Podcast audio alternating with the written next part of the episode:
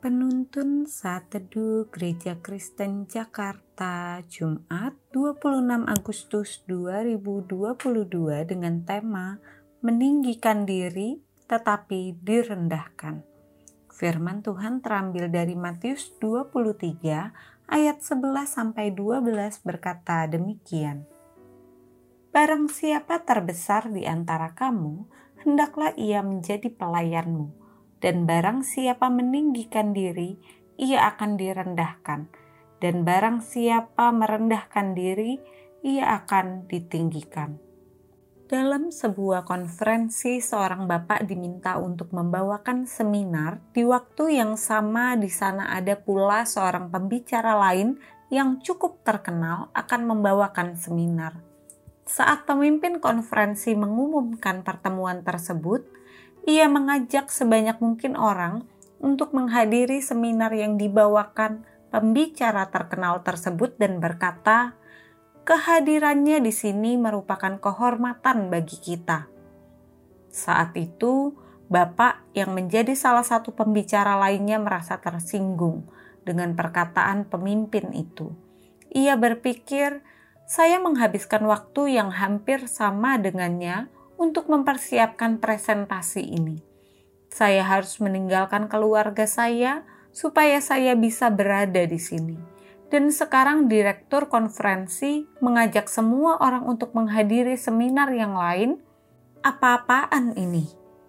Ini adalah reaksi dengan kesombongan dan iri hati. Namun Roh Kudus akhirnya menyadarkan Bapak pembicara ini sehingga ia menyadari bahwa semakin ia ingin ditinggikan, justru ia semakin merasa direndahkan. Tuhan Yesus adalah pribadi yang seharusnya ditinggikan dan dilayani. Namun dalam pelayanannya ia justru mengajarkan dan meneladankan kepemimpinan yang menghamba.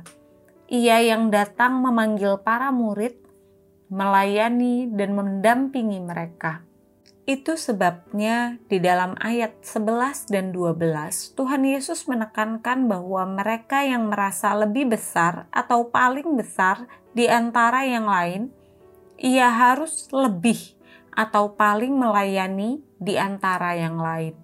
Kelebihan bukan sekedar untuk dibanggakan, karena jika demikian, lama-kelamaan kita akan jatuh dalam dosa kesombongan.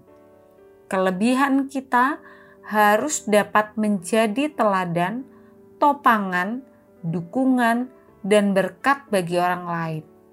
Inilah perbedaan utama dari kekristenan dengan organisasi-organisasi pada umumnya. Semakin menuntut ditinggikan, kita akan semakin merasa direndahkan. Mari jadikan Kristus sebagai teladan. Selama kita sombong, kita tidak bisa mengenal Tuhan. Orang yang sombong selalu memandang rendah sesuatu dan orang, dan tentu saja, selama kita melihat ke bawah, kita tidak dapat melihat sesuatu yang ada di atas kita.